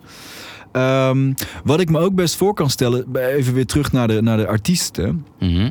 Kijk, die jonge rappers die ik, die ik volg. ehm, het, voordeel daarvan is dat zij zo online zijn, is dat ik één heel veel kan vinden. Twee, heel veel persoonlijke dingen kan vinden. Want eh, waar- tien jaar geleden zouden die misschien niet zo snel geïnterviewd zijn door een tijdschrift. Maar nu staan er wel allemaal Ja, persoonlijke dingen online. Dus dat is allemaal bagage voor mij om zo'n Ja. artiest te kunnen schetsen in die rubriek. Ehm, maar wa- wat ik me wel afvraag, en dat, dat, zou, dat zou ik eigenlijk een keer aan een artiest moeten vragen. Ehm, online of op social media hebben zij een constante. eh, is er een constante machtsstrijd gaande om wie de meeste. Het meest in de spotlight staat. ja. En dat kan natuurlijk relatief makkelijk. Want eh, ja, iedereen heeft een platform voor zichzelf. Maar ik heb zelf in een bandje gespeeld. En ik vond het soms ook confronterend om te zien hoeveel eh, dingen ik op MySpace dan al tegenkwam van bands die ik niet kende. En, en, en die best wel lekker gingen. Ja. De concurrerende bands. Ja, ja, En als je dat op je social media constant hebt. Ja, wellicht is dat ehm, ook best een, een, een ding dat tegen je kan, kan werken. Ja. Ja, en, eh, want je zegt dit zou ik eens aan een artiest moeten vragen. Ik weet niet of je deze vraag bedoelt, maar ik, eh, ik vraag me dan ook af in hoeverre houdt dat je. Neemt het energie die ook zou kunnen zitten en eh, gewoon geïnspireerd raken of dingen maken of whatever. Maar Ja. je bent dus bezig met hoe profileer ik me, wat er gewoon echt bij hoort natuurlijk. Ja. Altijd al, maar zeker nu. Ga er maar aan staan. Oké. Ja. Ehm, we hebben het toch al een beetje over artiesten, rappers en hip-hop. Je, hebt- noemt een heleboel metal, rock, ook eh, rap en hip-hop daarbij. Ehm, weet je nog waar jouw hip-hop liefde begon? Welke rapper of waarvan je zegt, ja, dat vond ik echt. Wauw, we moeten Ja. rap gaan luisteren, want dit kan. Weet Ik heb wel een dat? paar. eh, al- allereerst, ik, ik ben dus vooral liefhebber van Nederlandse hip-hop. Ik heb altijd wel wat Amerikaanse dingen geluisterd hoor. Maar dat is zeker nu is het vooral Nederlands. Maar mijn allereerste liefde voor hip-hop begon vrij jong. Ik was ehm, een jaar of 11, 10, 11 denk ik. En Brainpower bracht de plaat Ja. door Merg en Brain uit. Ja, ja, ja. Wat een jinx is, staat daarop. En eh, wat ik heel tof vond daaraan is dat hij eh, rapt over alledaagse dingen op een hele speelse manier. Maar ook het dichtst bij mijn eigen persoon kwam van wat tot dan toe was geweest als rapper zijnde. Juist. Want ik vond Eminem tof, ik vond Nas tof, ik vond Ja. de Wu-Tang tof. Maar dat zijn gasten die lijken in geen enkel opzicht op de 12-jarige jongen uit een... eh, Uit eh, Roosendaal. precies, uit, een- uit Roosendaal. Ja, ja. En, eh, en, en, en, en Brainpower, Gert-Jan Mulder, kwam daar een stuk dichterbij in de buurt. Want toen zag hij er ook helemaal niet hip-hop uit of zo. Dat was later daar. Dat klopt, ja. Was Meer zo'n jasje en een Ja. brilletje en zo, toch? Ja. En ik vond het super tof. En dat was eh, in die periode eh, leerde ik ook Extins bijvoorbeeld kennen. Dat was natuurlijk allemaal een beetje dezelfde kliek. En dat was, ehm, ja, dat was echt een, een eye-opening ding voor mij. ja. Want hip-hop was toch iets wat uit één uit Amerika kwam. En twee, iets wat gemaakt werd door jongens van de straat over de straat. Ja. En Brainpower die rapt gewoon over whatever. Ja. Eh, eh, en en dat, dat, dat, dat vond Ja. ik heel tof. Ehm, het, het, het moment dat me echt greep, dat weet ik nog heel goed. Ik was, eh, ik was toen een jaar of dertien. En Kink, dat is nu de doorgestarte radiozender... die had toen ook op Veronica een, eh, een blokje op vrijdagavond. Kink TV heette dat. En er werd een item gemaakt over de gasten die op, in dat jaar... eh dit is 2001, denk ik, 2002... eh, net de grote prijs van Nederland hadden gewonnen, opgezwollen. ja. En er is een, een deel van, ehm, van dat item. En daarin zit Stix, eh, mijn favoriete rap van Opgezwollen, zit op een schuurmachine. Zo'n ding waar je de vloer mee schoonmaakt. Want hij was gestopt met zijn studie journalistiek en eh, Ja. wilde vol voor de muziek gaan. Nou, uiteindelijk goed gekomen, maar op dat moment was het nog niet zo lucratief dat hij volledig Nee. als rapper kon leven. Zeker in die tijd niet. Ze verklaarden hem voor gek. Exact. Ja. En hij zit daar op die, ehm, op die schuurmachine met zo'n ja, een beetje vernacheld eh, kladblokje met teksten erop. En dan hoor je hem a cappella rappen. En zijn stem en zijn cadans en zijn flow vond ik zo tof. Dat ik echt had van, wat is dit? Ja. En toen hoorde ik daarna pas Ah. in die uitzending hoe het met beat klonk. Dus met beatmaker Delic die de Ja, ja, ja. ongeëvenaarde rauwe synthesizer sound heeft. En Rico daar nog bij. En toen was verkocht. Weet je nog welke track dat was? Of welke tekst? Ja, eh, en dat is, dat, die begint niet met Stix, maar die begint met Rico. En dat is, het duurde even van het eerste album Spuugding op de mic. Ja. En die begint ehm fok pop en fok soft rock. Ik Ja. ontplof als springstof, C4, molotov, drink wodka, smeernof. en heel anders dan wat ik Ja. tot dan toe van Brainpower en Extins eh, had gehoord. En dat was eh, het, het, het begin van mijn Ja. echte liefde voor Nederlandse hiphop. Vet. Wat vond je, ik weet niet of je dat kan definiëren, maar zo anders aan wat opgezwollen deed in verhouding tot wat je gehoord had van Extins en Brainpower? Nou, kijk, Nederlandse hip-hop was van origine natuurlijk een vertaalslag van Amerikaanse hip-hop. Ik ga even een beetje geschiedenis. Ja, Eh, ja. eh, Osdorp Possie die vertaalde letterlijk motherfucking en moederneukende. Ja. Dat was echt gewoon de eh, Amerikaanse hip-hop vertaald uit het Nederlands. Brainpower Extins, Yuki B, die gingen daar meer mee spelen. Maar het bleef nog wel qua flows en zo een beetje op die oldschool dingen luisteren. Die eerste plaats van Brainpower, dat zouden zo'n naastbeats kunnen zijn waar hij het Nederlands op rapt. Ja. Ehm, en opgezwollen was het eerste, de eerste Nederlandse hip act voor mij. Die ik niet kon vergelijken met iets dat ik eerder al in het Amerikaans had gehoord. Ja. En daarmee was het zo nieuw. Ja. ja. En, ehm, en goed ook. Dat en heel goed. Natuurlijk wel. en heel Ja. goed. En, Ja. en, en ook ehm, in die tijd. Kijk, ons door Possie was natuurlijk een groep, maar verder was het wel heel vaak solo met features. Maar zij zijn een duo. Ja. En dat wisten ze zo goed te verpakken met elkaar. En dat had ik ook nog nooit gehoord. Van hoe, hoe kunnen ze nou zo op elkaar ingespeeld zijn? eh, Ja. Dat dit helemaal in elkaar verweven zit op een manier die super vet is. Wat ze later op andere albums en nog maar verder door hebben eh, ontwikkeld. Ehm, dus, dus ja, dat zijn de ingrediënten, denk ik. Wat voor mij op dat moment de beste Nederlandse hip-hop cocktail was als, als 12-jarige, Juist. 13-jarige. En toen ben je daar echt van eh, gaan houden, van de hip-hop, Nederlandstalige hip-hop. Ja, ik heb, ik heb een paar hip-hop fases gehad. Dat is misschien wel leuk om eventjes doorheen te gaan. Want Ja, dit was dus eh, brugklas.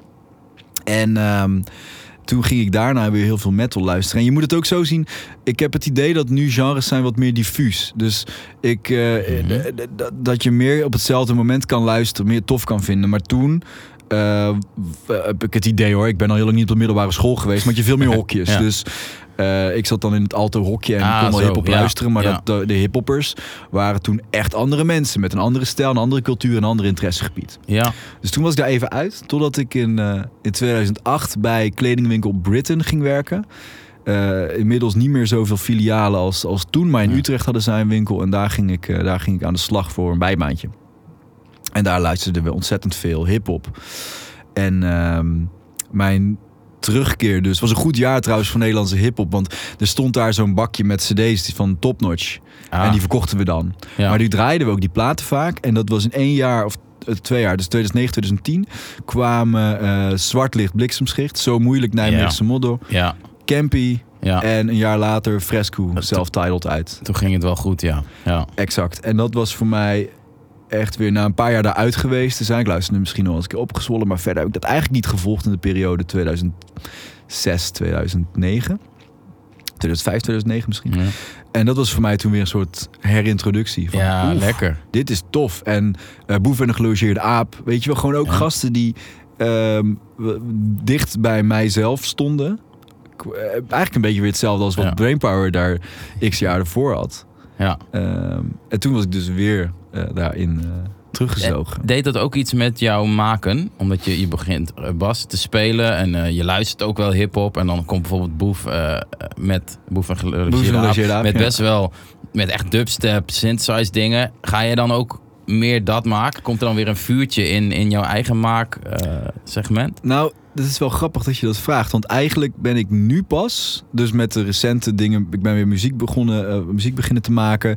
Eh, en dat is allemaal nog heel pril. Maar dat is eigenlijk het eerste ooit waar hip-hop invloeden in zitten. De rest Hey. heb ik daar nooit op muzikaal vlak iets mee gedaan. Ja, je moet wel. Je luistert zoveel hip-hop nu, dan ga je dat vanzelf. Maar Ja. ik, ik onderbreek wel jouw eh, hip-hop ehm, fases. Ja, ja. We waren Dit is- bij de dit- zo dit moeilijk dit is, de fase, tweede, ja. dit is de tweede fase. Wat, wat grappig. Ik vind het leuk om dit zo in een tijdlijn te zetten. Want het Ja. is wel echt een soort rode draad eigenlijk door een groot deel van mijn leven.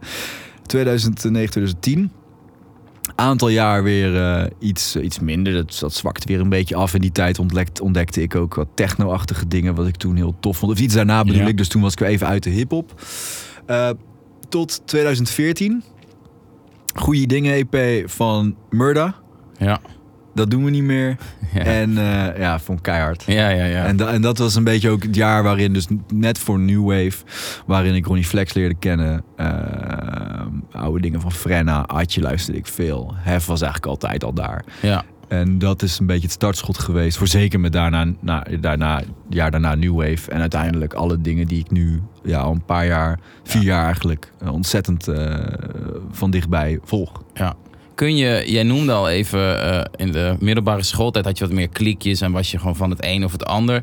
Ehm, ik herken het wel en denk ook wel eens, vroeger kocht je een cd en die ging je dan heel vaak luisteren. Nu klik je iets aan en als je een tijdje niet naar je telefoon of je laptop kijkt, ben je door Spotify al meegenomen naar weet ik veel waar. Dus het is voor mij veel moeilijker om een soort van tijdslot op muziek te zetten. Niet Ja. dat dat hoeft, maar het is een hele andere beleving.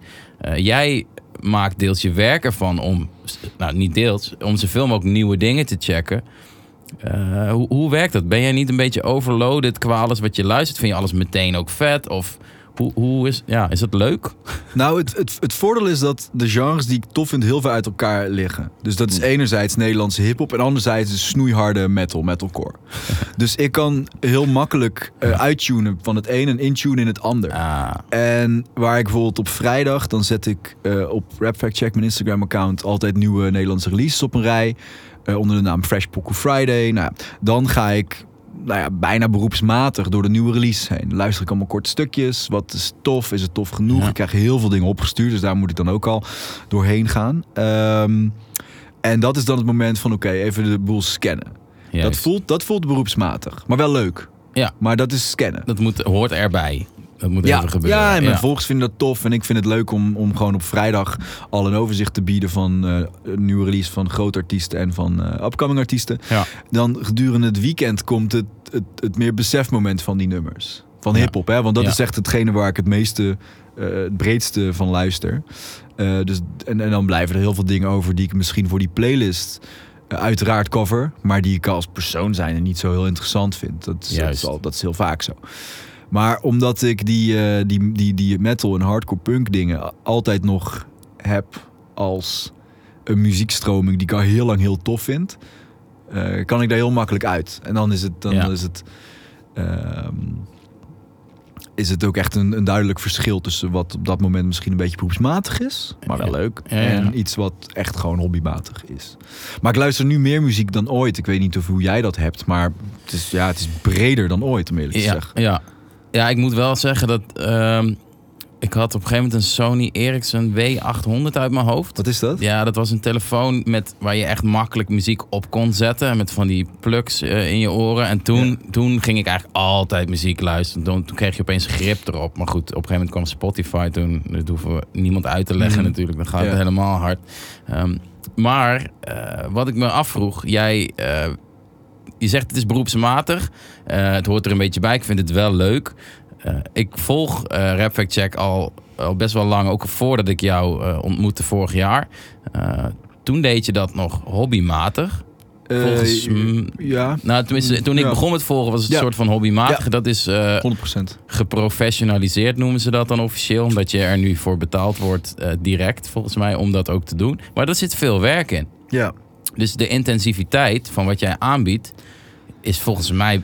Het lijkt best wel veel werk. Dat weet jij wellicht beter dan ik. Je hebt daarnaast heb je local focus. Dat is Ja. echt je... je nou, Grote mensenbedrijf beide. noem ik Je het maar even. Je Ja. grote mensenbedrijf. Waarom noem je dat grote mensenbedrijf? Ehm, nou, omdat dat ooit ben begonnen aan het eind van mijn studie eh, met in de zin van we, dit is een tof idee, een datajournalistiek persbureau voor regionale media.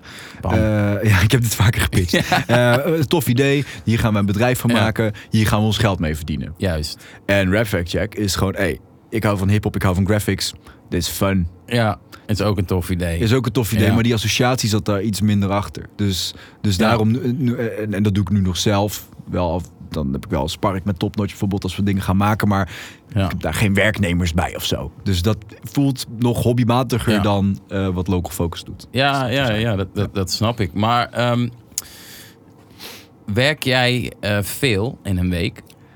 Nou, dat is wel grappig. Ehm, eh, ik, ik, denk, ik denk van wel, maar ik denk ook van niet. Want zo voelt het niet per se. Ja. Als in ehm, de rap fact check dingen die ik doe, kan ik, kan ik vrij snel doen. Dus ik heb, als ik een idee heb van de ik, ik- kijk, ik zie in al die dingen zie ik allemaal patronen. Dus van Ashafar, rapper, kwam vorige week met een nummer Ferrari. Ik wist Ja. dat hij al meerdere keren over auto's had gerapt, heel vaak eigenlijk. en ik wist ook dat hij nog niet zo lang zijn rijbewijs heeft gehaald. Dus toen heb ik een- het in een perspectief gezet en een tijdlijn van alle verschillende dingen die hij over auto's eh stekken voor dit. Ik wil dit, ik rij lager in dit en wat hij eigenlijk ten opzichte van zijn rijbewijs heeft gedaan. Ehm, Dat is een patroon dat ik zie en dat ram ik er vrij snel uit in een paar uur. Dus dat soort dingen ehm, voelen niet zozeer als werk. Nee. Ehm, maar ik, ik kan me best goed uitzetten na een dag werken. Want mensen vragen me dat wel eens, mensen die in loondienst zitten, van hey, alle dingen die je doet zijn als zelfstandig ondernemer, zowel local focus als rap fact check. Ben je dan niet constant bezig? Maar ja, op- Zo voelt het zo niet. voelt dat niet. Maar je bent het wel. Nou, in de avond dan ga ik niet meer mailen of zo, tenzij het heel nodig is. En wat is de, hoe laat stop jij met dingen doen? Ja, zes uur of zo. En dan ga je chillen. Ga ik chillen, ga ik eten met mijn vriendin en dan gaan we eh, chillen. Ja. Of ik, ik, ik werk eigenlijk s s'avonds niet zo vaak door of zo. Ik denk niet dat dat heel echt ten goede komt. Nee. Ehm, want ehm, uiteindelijk probeer ik alle dingen die ik doe, wil ik natuurlijk zo leuk mogelijk vinden. Ja. En ehm, nee, maar dit is wel, kijk, mensen die er gaan ondernemen, die denken heel vaak dat je daar constant mee bezig moet zijn. En dat is echt, geloof me, dat is echt niet nodig. Ja, misschien als jij een of andere financiële eh, zakenbankbaan hebt of zo, whatever, waarbij het ver- vereist wordt van je. Ja. Maar in de creatieve sector, kijk, je moet wel, je moet wel aanstaan en je moet wel scherp zijn. Maar ik heb nog nooit iets moeten laten omdat ik niet om negen uur s'avonds nog achter mijn laptop met allerlei dingen bezig was. Misschien als ik die honger, om maar even in hip-hop taal te gebruiken, had gehad, had ik misschien Ja. met Rap for Check nog veel meer dingen kunnen doen. Dat denk ik vast wel. Ja. Als ik die avond had doorgewerkt, meer, meer Ja, content, veel meer concepten. Maar daar word ik zelf niet gelukkig van. En ik heb nog nooit. ehm, eh, de- of nee, ik heb niet gemerkt dat met partijen, zakelijke partijen die bijvoorbeeld tof vinden om samen te werken, dan zeggen van, oh, maar die frequentie moet wel omhoog. Of ik wil dat je meer hier en vier aan doet. ja. Ik denk dat die balans er wel moet, eh, moet zijn. Zeker. Maar jij noemt duidelijk, eh, daar word ik niet gelukkig van. En daarvoor zeg je, ik wil alleen dingen doen waar ik gelukkig van word. Dus het geluk daarin bewaken, maar ook voelen, daar ben je blijkbaar wel goed in. Want dan weet Ja. je gewoon, oké, dit vind ik vet. Dus om zes uur ga ik eten en chillen. Ja, En niet nog langer doorbeuken, want er moet zoveel mogelijk uitgeperst worden. Ja. Precies. Weet je wat het is? Ehm, iedereen die iets schept, of dat nou muziek is of kunst of, of, of, of, of beeldende kunst of graphics zoals ik doe, uiteindelijk dan, dan, dan zijn dat dingen die kun je niet zo snel gaan forceren. Ik vind het, vond het in het begin van Rap Fact Check, toen ik het dus nog niet op vaste dagen in de week kon doen, vond ik dat lastig. Want ik dacht, oef, ik heb deze zondagmiddag vrij, ik ga er lekker voor zitten. Kwam het er niet uit, baalde ik als een stekker. Ja. Die dingen kun je niet forceren. Dus ik kan vaker, als ik dan iets ga bedenken, een graphic of een video of een concept voor de videoserie die ik eh, binnenkort ga maken, maar misschien nog over hebben, ehm, dan, dan komt dat er vaak in hele korte tijd uit. En daarmee voelt het niet als werk, want het is Ja. een, insp- een inspiratiebubbel die ik op dat moment omzet in. Ja. Dat kan misschien de graphic zijn, of dat kan even iets uitwerken op papier zijn, of een data-analyse zijn. En, Ja. en, en dan is het niet een taak binnen werk, maar inspiratie die eruit moet. Ja. Ehm, want ja, Ja. dat Ja, is hoe ja. ik dat ervaar. Klinkt, klinkt eh, eh, mooi. En ook wel, het klinkt logisch als je het uitlegt. Ja, Eh, en toch blijk je goed te zijn in te bewaken dat het niet meer energie kost en dat het oplevert. ja, Dat is gewoon een aangeboren talent, of heb je dat? ik heb verschrikkelijk veel energie. Ja, dat is, het- dat is het ding een beetje. ja. Maar die kan ik wel heel snel eh, en explosief inzetten in eh, gelukkig Ja. op normale uren per dag. Dat is denk ik het een En, beetje. en hoe laat begin je dan? Nou, ik ben best een ochtendpersoon. Ik, in de ochtend ben ik het meest eh, scherp. Dus ik probeer er voor de middaguur zoveel mogelijk dingen doorheen te rammen. En dat lukt vaak best wel goed. Ja, Ah, dat hoor je wel, wel vaker. Ja. Wat, maar dat vind ik wel grappig, want de, enerzijds hoor je dat vaker. Anderzijds hebben mensen soms ook creatieve dingen maken. Nachtdieren Ja. heb ik veel minder. Ehm, ja. Je hoort gasten die dan in de hele nacht eh, muziek zitten te maken in de studio. Of mensen die schrijven die dan eh, sa- 's s'nachts achter hun laptop zitten, omdat er dan Ja. het meest uitkomt. ja, klopt. Maar dat heb, ik, dat heb ik niet zo sterk. Dus dat- ik ben best wel nu ontdekt wat mijn piekmomenten kunnen zijn. En hoe ik daar heel effectief dingen in kan maken. Kijk, en die heb je ontdekt door te doen. En Ja. gewoon te merken, hé, hey, als ik voor één uur alles afram, dan is het beter dan als ik het uitstel Ja. tot het eind van de middag. Ja, Cool. Is dat met muziek maken ook? Want je maakt nog steeds muziek. Ja, ehm, nou, daarbij is ook, kijk, dat is, dat is wel grappig, want dat komt, is nu een beetje in een fase hoe Rap Fact Check een paar jaar geleden was, namelijk gewoon puur hobbymatig.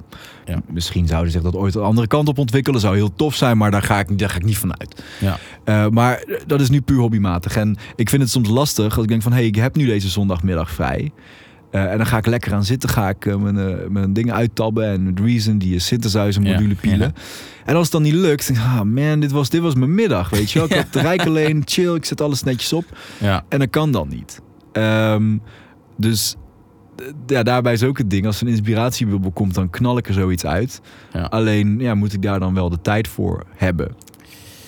Ja, en dan moet het ook lukken. Ja, maar de dingen die ik heb gemaakt, en dat is eigenlijk met bijna alles zo, of het dan muziek is, of het dan rap fact check graphics zijn, of voor mijn part al is dat natuurlijk iets meer aan kantoortijden gebonden, de producties die ik voor mijn bedrijf Local Focus maak. Eigenlijk zijn het allemaal dingen die in een hele korte tijd snel tot stand komen. Dat is hoe ik werk. Uh, ik ben niet zozeer een graver, of ook niet zozeer echt iemand die heel heel lang over conceptueel nadenkt over dingen. Of het dan journalistiek is, of het dan data-analyse, of het dan muziek is.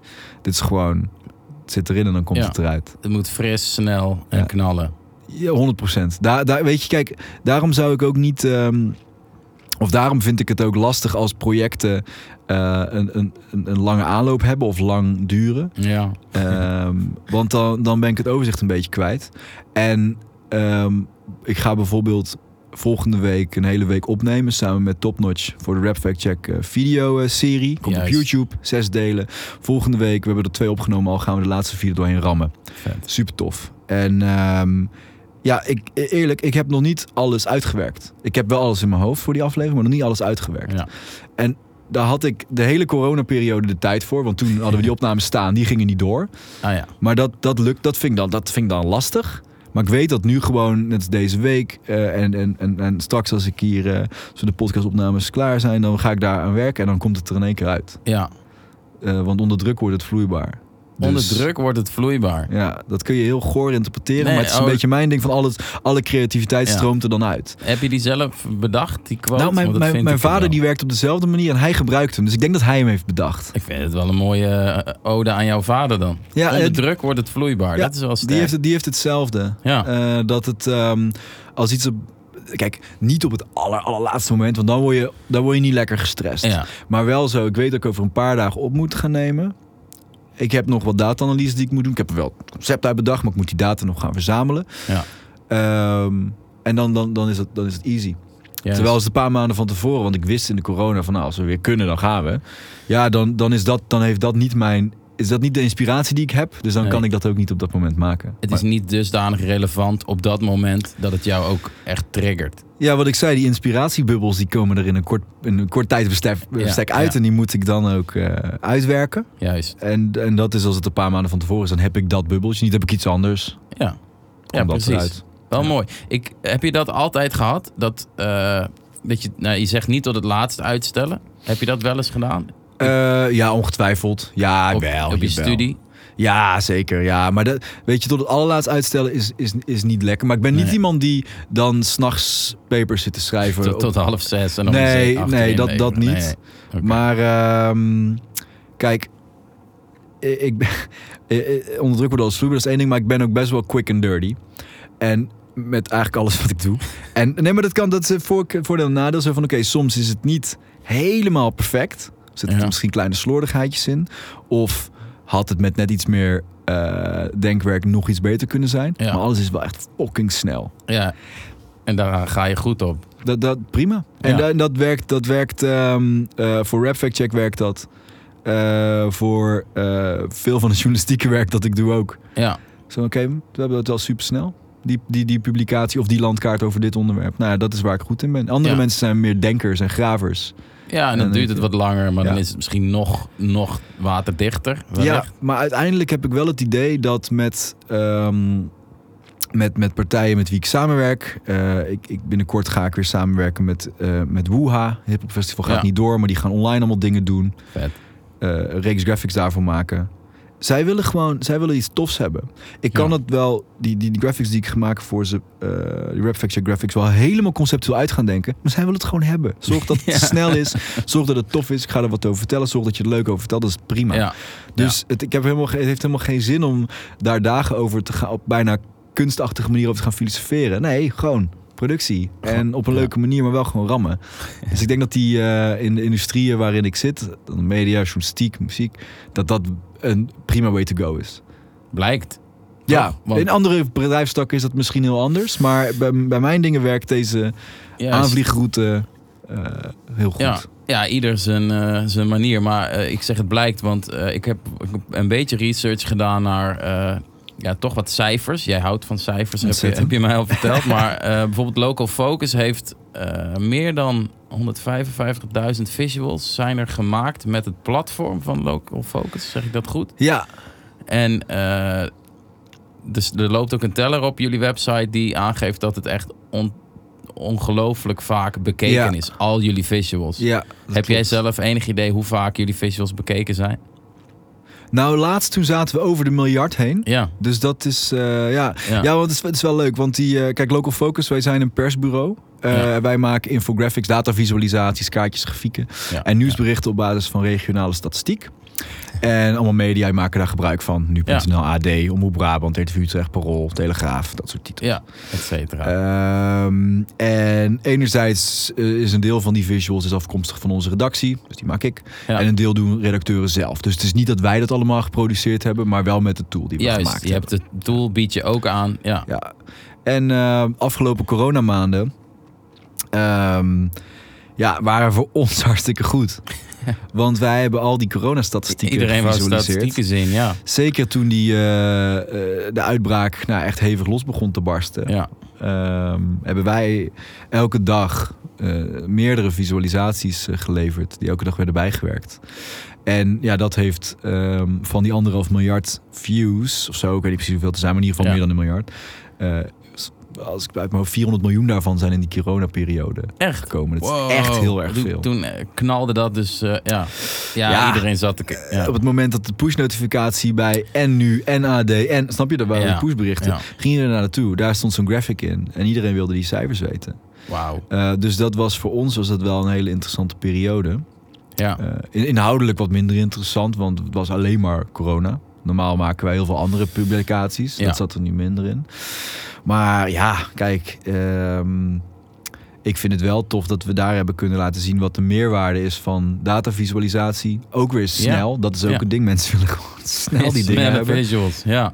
Kom op het moment dat het twee uur is, willen we het meteen hebben. Prima, wij zijn daar. Ja. Ehm, en, ehm, en dat hebben we wel kunnen laten zien. Duidelijk. Doet, doet dat ook iets met eh jou...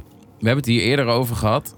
Ehm, je, je gaat muziek maken. Ik vind het om, toch wel leuk om voor de bas te kiezen. Dat wat niet iedereen doet. Dat valt er net iets meer op misschien. Ja. Eh, je maakt visuals. Je gaat toch weer kijken of je het podium op kan. Je noemt ook, als ik wel doorbreek, lijkt me best wel leuk. Ja. Dus eh, in de kijker staan of jezelf daarin spelen, vind je best wel lekker, toch? ja, dat klopt. Ja, wat heel goed, eh, dat mag gewoon zeker. Ik vind het alleen maar leuk. Eh, corona komt en iedereen kijkt je visuals. Ja. Voelt dat ook een beetje zo? Ja, want eh, het, is, het is wel. Ik vind het interessant om te. Nou, weet je wat het is? Soms, voor sommige mensen is local focus een beetje abstract. Als in mijn familie, die, een beetje moeilijk, datajournalistiek, Wat? Ja. Wat, ah, Ik vind zegt- het een heel saai woord, maar het is gewoon, ik weet er Ja. niets van. Ik, wat? Data? Ja, Oh, data en eh, moeilijk. ja. Maar met die corona eh, eh, visuals konden we eindelijk, kan ik eindelijk op een makkelijke manier uitleggen. Elke dag, welk nieuwsmedium lees je? Nou, dan zeggen ze Ja. nu.nl. Dan zeg ik, oké, top. Elke dag worden die cijfers bekendgemaakt. Maar dat staat niet in een geschreven stukje alleen. Dat staat ook allemaal in een grafiek en een landkaart. Ja. En, en wij maken die dingen. Zodat ze elke dag bij het nieuws eh, cijfers op een visuele manier kunnen aflezen. Juist. Dus ik vond het daarmee een hele leuke manier om aan een echt breed publiek te laten zien wat ik of mijn bedrijf eigenlijk doet. ja. Want datajournalistiek is inmiddels binnen de journalistiek zelf best ingeburgd. Toen wij ermee begonnen in 2013 was het echt ook ja, echt een niche. Eigenlijk weer wat je zegt, een beetje iets, een buitenbeentje zijn om en daarmee opvallen. Dat Ja. is precies dit. ja. Uh, maar voor uh, de gemiddelde lezer is het een hele uh, ja, holle term. Data denken ze aan of het meervoud van datum of aan persoonlijke data of zo. Maar dit is eigenlijk gewoon uh, je zou het statistiekjournalistiek kunnen noemen, maar dat klinkt ook helemaal niet lekker. Nee. Behalve dat het fijn rijmt. Maar, uh, ja, ja, dat vinden wij dan wel weer leuk. Precies, ja. Ja. Maar, uh, nee, maar dus, dus, dus dat is het eigenlijk. En Ja. met dit was het wel een manier van... hey, iedereen begrijpt in één keer wat we doen. En waarom dat belangrijk is. Ja, en iedereen kijkt naar jou, jullie werk. Ja, maar dat is wel grappig, want... ehm, waar ik ergens best ijdel ben om in de spotlight te staan. Ehm, en de journalistiek een heel ijdel... pff, journalisten vinden zichzelf allemaal tof en willen eigenlijk allemaal eh, in de spotlight. Waarom denk je dat er een auteursnaam bij een stuk staat? Ja, ja. Dat is echt alleen maar voor de journalistiek, voor de journalisten zelf en een paar bekende journalisten Ja. waarbij mensen hebben van oh die en die heeft dit geschreven. ja. Maar eh, wat we met Local Focus doen is voor wat betreft de journalistieke ijdelheid een, eh, niet echt een logische keuze. Want wij zijn een persbureau. Eh, de naam staat wel bij zo'n Ja. grafiek kleiner onderin. Maar mijn naam bijvoorbeeld staat nergens in. Nee. En ze hoeven ons ook niet te crediten in de tekst. Want wij zijn een persbureau. Wij voorzien media van allemaal feiten en cijfers en graphics. En zij maken daar een stuk mee. En eh, als het parool zijn stuk maakt, dan staat de naam van de Ja. paroolauteur staat boven het artikel. Dus als ik, voor betreft mijn ijdelheid, had ik beter gewoon eh, bij een NRC, waar ik een tijdje voor heb gewerkt, kunnen blijven werken. Want dan Ja. staat mijn naam boven het stuk. Ja, precies. Dit voelt ook wel weer als een mooie vorm van bescheidenheid die je dan ook wel hebt. Nou, weet je wat het is? Kijk, soms dan, eh, dan- en dat mag natuurlijk helemaal, maar dan eh, staat er, ehm, eh, ik pak even een voorbeeld. Omroep Brabant heeft, alle, heeft de zwemwaterkwaliteit in de provincie op de kaart gezet. Ja, dat hebben wij gedaan. Ja. En zij publiceren het. En zij, natuurlijk, het is logisch voor de lezer. Dan moeten ze uitleggen dat het Local Focus heeft gedaan. En dat is, Ja. ze kennen dat helemaal niet. Dus het is logisch dat daar staat... Omroep Brabant heeft de zwemwaterkwaliteit uit, onderzocht en op de kaart gezet. Maar dat is ons werk. Ja. En dat is helemaal prima, maar er moet wel eventjes zo eh, de, over nadenken van ja, wij zijn daar eh, aan de, voor de bühne best onzichtbaar in. ja. En je zegt het dus prima in de zin van jij vindt het oké, maar je weet wel beter. Ja, nou ja, beter. Het, het is ons bedrijfsmodel. is ja, dat, ja, is Ja. hoe het werkt. Ja. Ja. Kijk, je hebt ook het ANP, het grootste Nederlandse persbureau, of het enige inmiddels trouwens ook. Die worden ook niet gecredit als, als nu.nl stuk maakt op basis van hun dingen. Nee. Dat hoeft niet. Dat is, dat is het model. Daar betaal je voor. Eh, ondertussen, je noemde hem net al even, je gaat een Rap Fact Check eh, TV maken. Of, Ja, zo? videoserie op YouTube videoserie. komt het, ja. Daar kom jij wel in. Ja, daar kom ik in beeld. Eh, dat ehm, eh, is een bewuste keuze. Het Van gaat- jou. Of, of van Top Nee, van Topnotch. Ja, dit is een idee. Ik heb in 2018 eh, samen met Topnotch een reeks animatievideo's over, over, op, eh, omtrent het Rap Fact Check concept gemaakt. Ja. Eh, soms op artiesten, soms een bepaald, omheen een bepaald thema heen. Bijvoorbeeld voetbal, auto's, geld, dat soort dingen. Daar maakte dan iets omheen.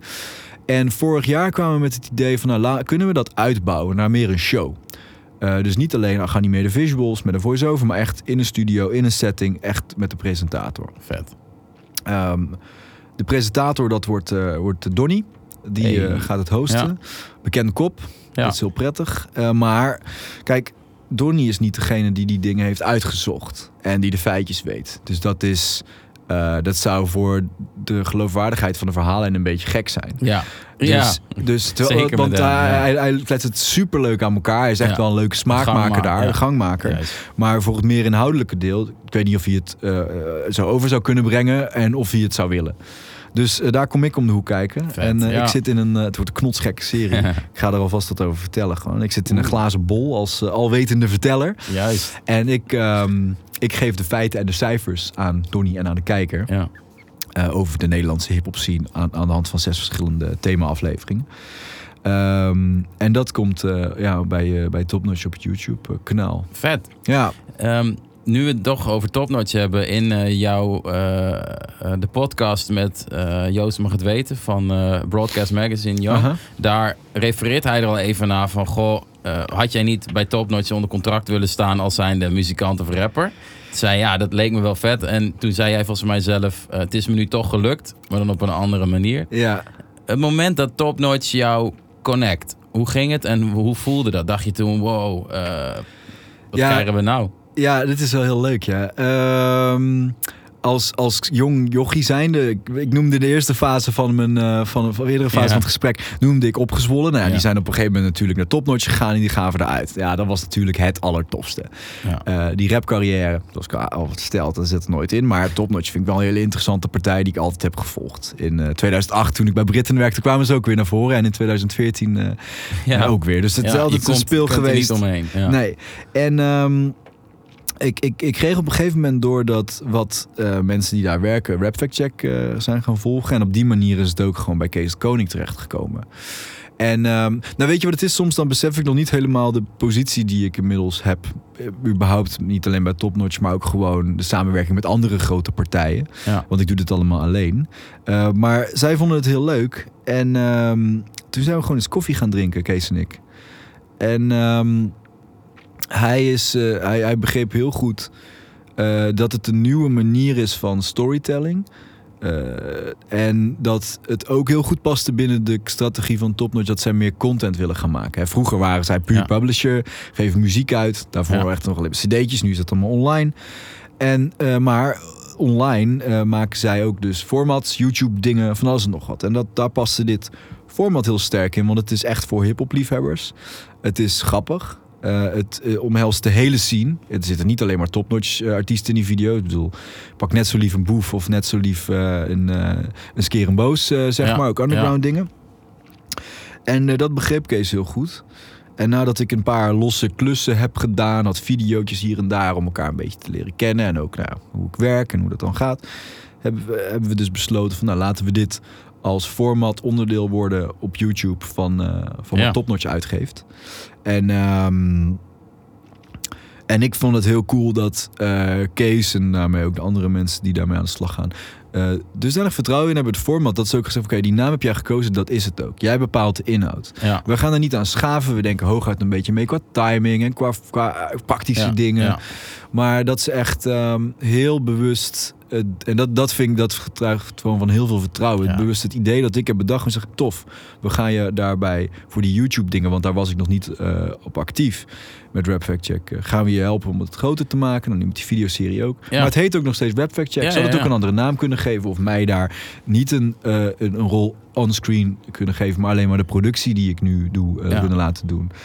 En ja, dat vind, ik, dat vind ik heel tof. Ja. Ehm, voor iets wat ik ja, alleen ben begonnen als, als grapje van ik zet er een paar graphics op, kijken of iemand het leuk vindt. Ja. Ehm getuigt dat wel van vertrouwen, want ik kende nou ja, al de mensen die daar werken niet voordat ik Rap Fact Check deed. Is, eh, ja. Maar het- het gesprek, ik weet niet of we dan een contract bespreken, maar er is een moment waarop je dus bij Topnotch zit en met Kees zit te kletsen. Ja. En dan ben je denk ik ook eventjes dat kleine jongetje van 12 die dacht, fuck, Ja, ik, zit gewoon eh, hier. Ik zat op het oude kantoor van Topnotch. Tegenwoordig zijn ze verhuisd naar een groter pand, want het bedrijf is gegroeid en samengegaan met Noah's Ark. Het cetera, Ja. het oude kantoor. En bij eh, dat kantoor wat Kees de Koning daar heeft, er staan twee van die, eh, van die luie stoelen, van die opa-stoelen, zeg maar. Nou, daar zaten we in. Het is een hele aparte setting. En de muur hing helemaal vol met eh, oude posters en dingen. Iets van een, een album of een magazine cover van Extins uit 98. En Ja. een of ander eh, geschilderd portret van Leeuw Kleine in, eh, in Gouden Eeuwstijl. Met zo'n zo'n soort bevet om zijn nek. Ja. En allemaal dingen. En ik keek gewoon al mijn ogen uit. Omdat ik vond die... Ik kwam daar natuurlijk voor de eerste keer binnen. En die kamer is hip-hop geschiedenis. ja. Gouden platen Ja. aan de muur. Dat vond ik al heel apart. En... ehm, ja, dat klikte wel meteen. Want we gingen gewoon koffie drinken daar. En het feit dat we niet aan een tafel zaten, maar gewoon in die stoel met z'n tweetjes. Ehm, en het Kees toen zei, nou, ik had wat, op, wat ideeën op papier gezet voor meer one-off thematische rap fact check dingen. Maar hij zei, ja, als we het nou gewoon het format houden en gewoon kijken hoeveel je er kunt maken dit jaar. En dan zien we daarna wel verder. En toen Ja. heb ik er uiteindelijk volgens mij acht of negen afleveringen gemaakt. Ehm, elke maand eh, eentje of om de om de- of één keer in de drie Ja. weken of zo. En ehm, ja, dat, was, dat, dat voelde meteen eh, op een hele vertrouwde manier voelde dat tof. En ik weet nog dat Kees toen... ehm, ik was net daar aan de slag. Een paar weken later. En dat hij toen naar me toe kwam en zei... Ja, Jordi, kun je even naar mijn kamer komen? En ik dacht, ah shit, hè, volgens mij... Misschien is het toch niet helemaal wat ze willen of zo. Want ik voelde me daar natuurlijk toch weer dat kleine Ja. ja. En eh, toen kwam hij naar me toe en liet hij een boek zien. eh, Visual Journalism. Dat is een boek met allemaal datavisualisaties. Dat heb ik thuis ook liggen. en dat Eh, ja. vond hij tof. En dan wilde hij, had, na aanleiding van ons gesprek, had hij dat gekocht. En dan wilde hij laten zien. Van, nou, je bent natuurlijk al met die visuals bezig. Ja. Dus ik heb me hier een beetje in Kijk en ik vind het Ja, heel cool. ja, ja. En, Wat vet. ehm, en toen had ik het besef, ah ja, maar dit is ook gewoon... Ik ben misschien nu een beetje zo... eh, nou, niet geïntimideerd, maar ik, Ja, onder de onder- indruk ja, tuurlijk. Ja. van een, een bedrijf en een label en met een geschiedenis die ik heel tof vind. En wat, nou, zoals ik al zei, in mijn leven best een grote rol heeft gespeeld eh, op eh, muzikaal vlak. Ja. Ehm, maar anderzijds kom ik ook iets brengen wat ze wel heel tof vinden. En waar ze ook weer iets mee hebben wat andere partijen niet hebben. ja. Ehm, dus ja, daarmee werd het eigenlijk wel gewoon een hele chille verstandhouding. Ja, en ehm, jij zegt een, een bedrijf wat jou veel heeft gegeven, of eh, een Mhm. onderdeel is geweest van jouw leven. Ehm, ondertussen ben je ze dus iets aan het, ik zeg niet, ja, teruggeven. Je geeft eigenlijk de wereld best wel iets geinigs. Ik weet Ja. niet of je het zo ervaart, maar Ja je bent aan het bouwen aan een soort van legacy eigenlijk. Zie je dat Mhm. zo? Ben je daarmee bezig? Ehm, Ja, want nou weet je wat ik wel leuk vind? Dat het nu, ik doe dit sinds 2016. En, en laatst zat ik gewoon even terug te scrollen op mijn Instagram. En het zijn ook hele leuke snippets van de hip-hop scene op dat moment.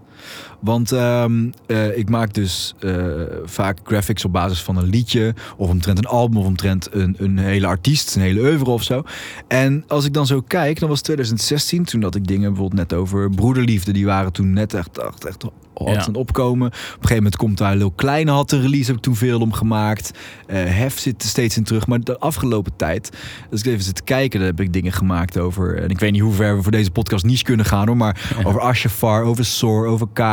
En dat zijn Ja. allemaal artiesten die nu dan upcoming zijn. En over een paar jaar, stel die gasten maken het helemaal, Ja. dan is het weer zo, hey, dit is een leuke graphic op basis van iets wat die artiest toen veel zei. Bijvoorbeeld met die auto's van Ashafar. En daarmee zijn het allemaal leuke tijdsbeeldjes. ehm, die grappig zijn om naar te kijken. Die iets zeggen over de artiest. Of in ieder geval de thema, thema's die die artiest op dat moment aansneed. En het, ehm, het, het is ook grappig omdat het... Ja, ook weer zo. Oh ja, dat, dat was... De graphic had ik gemaakt over Tempo. Een hitje van Jarzinho Zomerhitje 2016. Ja. Dat zullen mensen nu niet zo heel snel meer opzetten. Maar dat was toen echt een ding. Ah ja, dat was toen echt zo hot. En hij was toen upcoming. En dat heb ik in een graphic gevangen. Dus het zijn leuke reliquieën uit nu vier jaar hip-hop geschiedenis. Maar stel dat, stel dat ik, eh, toen kon dat natuurlijk niet, de technologie was anders. Maar stel dat ik dat bijvoorbeeld tien jaar geleden had gedaan. Dan zou je denken, oef, hey, oh ja, Fresco was toen die nieuwe Ja, artiest. ja. En Winnen had toen net een album uit. Dus ik denk dat dat op den duur eh, ook een hele leuke manier is om hip-hop geschiedenis te kunnen vangen. En dat doe ik niet bewust. Ik maak gewoon wat ik maak. Maar dat Maar- ontstaat wel. Als ik ook kijk in vier jaar, de- eh, wie toen upcoming waren, of net hun plekje aan het veroveren waren en die graphics over heb gemaakt. En nu, dat zijn weer heel andere artiesten. En er zitten soms ook artiesten tussen waar, waar ik toen iets over heb gemaakt, die nu eigenlijk niet meer zoveel doen of waar je niet zoveel meer van hoort. Nee, dat kan ook gewoon gebeuren Kan- natuurlijk. Zeker Ja, in zo'n ja. vluchtig genre als hip-hop. Maar het zou nog maar zo kunnen dat er eh, op een gegeven moment een track komt waarin gerefereerd wordt aan hun opname in Rap Fact Check. Daar wacht ik nog steeds op. Zou ik wel heel cool vinden. Ik, ik denk dat het vanzelf wel gaat gebeuren. Heb je ooit een kleine vraag tussendoor een rapper gehad die zei, eh, of waarvan je dacht, of het hoorde of merkte, eh, hij heeft mijn data gebruikt? Lijkt me Ehm, moeilijk, maar het zou kunnen. Ja, ik weet wel dat, dat veel rappers het gewoon checken en ook Ja. leuk vinden. En ehm, sommige rappers zijn ook wel behulpzaam. Ik had bijvoorbeeld Stix benaderd. Eh, het was in januari 14 jaar geleden dat ehm, eh, Eigen Wereld uitkwam. Album van Opgezwollen. En op een van die nummers zegt hij... eh, had ik voor elk van mijn raps een cent, dan kon ik huur betalen. Ik dacht, nou, vind ik een mooi moment om eens uit te zoeken. Ja, En toen heb ik dus, dacht ik ga gewoon, het is super nerdy, maar ik ga even mijn methodologie met hem afspreken. ja. Hoe zou je rap kunnen definiëren? Nou, hij vond zelf, elke track waarop ik te horen ben is één rap. ja oké. Daar was ik blij mee, want dat is iets wat ik wel kon tellen. Als hij zegt elke bar of elke verse wordt het heel veel werk, maar dat hadden we toen afge- afgesproken. En eh, toen heb ik dus zijn complete discografie uitgeplozen. We heeft hij hem ook nog op een site eh, van een of andere gekke opgezwollen fan die dat Ja, allemaal bij had ja. gehouden. Allemaal verwerkt in de spreadsheet gezet. En eh, nou, twee dingen. Eén, hij heeft 363 releases waarop hij te horen is uitgebracht sinds 2001 tot en met 2019. Dat is ontzettend veel. Ja. Twee, met 363 cent kun je de huur niet betalen. ook de hypotheek in Zwolle niet. Dus Nee. ehm, ook hij heeft nu een hypotheek. Dus dat was een soort fact-check met een knipoog. Maar Ja. ehm, dit is eh, een, een, een, een garde artiest. Nou, ik had niet verwacht dat ik ooit met, met Stik zou gaan praten Ja. over de methodologie van mijn graphic die ik ga maken. Juist. Maar hij vond het hartstikke leuk. En Ja. Eh, toen zei hij nog van ja, maar ik heb hartstikke veel onuitgebracht werk. Toen zei ik ja, maar ja, dan moet je me bij je thuis uitnodigen en me in je boekjes, zoals hij dat noemde, laten kijken hoeveel Ja. daarin staat. Zei gaan we echt tellen. En toen zei hij van ja, nee, dat gaan we niet doen. Ik zei nee, precies, laten we het met openbare informatie doen, dan dit mijn, mijn factcheck. Maar hij waardeerde het wel. Mooi, mooi, mooi bruggetje. Stix is wel een beetje is een rapheld van jou, mag Ja, ik dat zo zeggen? Zeker. Ehm, ik heb jou in een andere podcast gehoord over Hans Rosseling. Ja, Hans dat? Rosling, ja, ja, zeker. Was ook, is dat ook een soort held van je of gaat dat te ver? Nou, weet je wat het is? Ik vind hem niet zo'n leuke gozer. Eh, Ah. Hij is overleden trouwens, dus over de doden niks aan goeds. Maar eh, mooie nee, kerel was het. eh, ik, ik, vind, ik vind hem qua persoonlijkheid niet zo sympathiek overkomen. Ja. Maar het is wel een genie. En Ja. hij, voor de mensen die Hans Rosling niet kennen, het is een, een, een, een Zweedse socioloog. Die ehm, eh, enerzijds heel goed is in het interpreteren van wereldwijde cijfers over mondiale vooruitgang. eh, naar allerlei thema's die laten zien hoe het met de wereld gaat. Bevolkingsgroei, ja. dat soort dingen.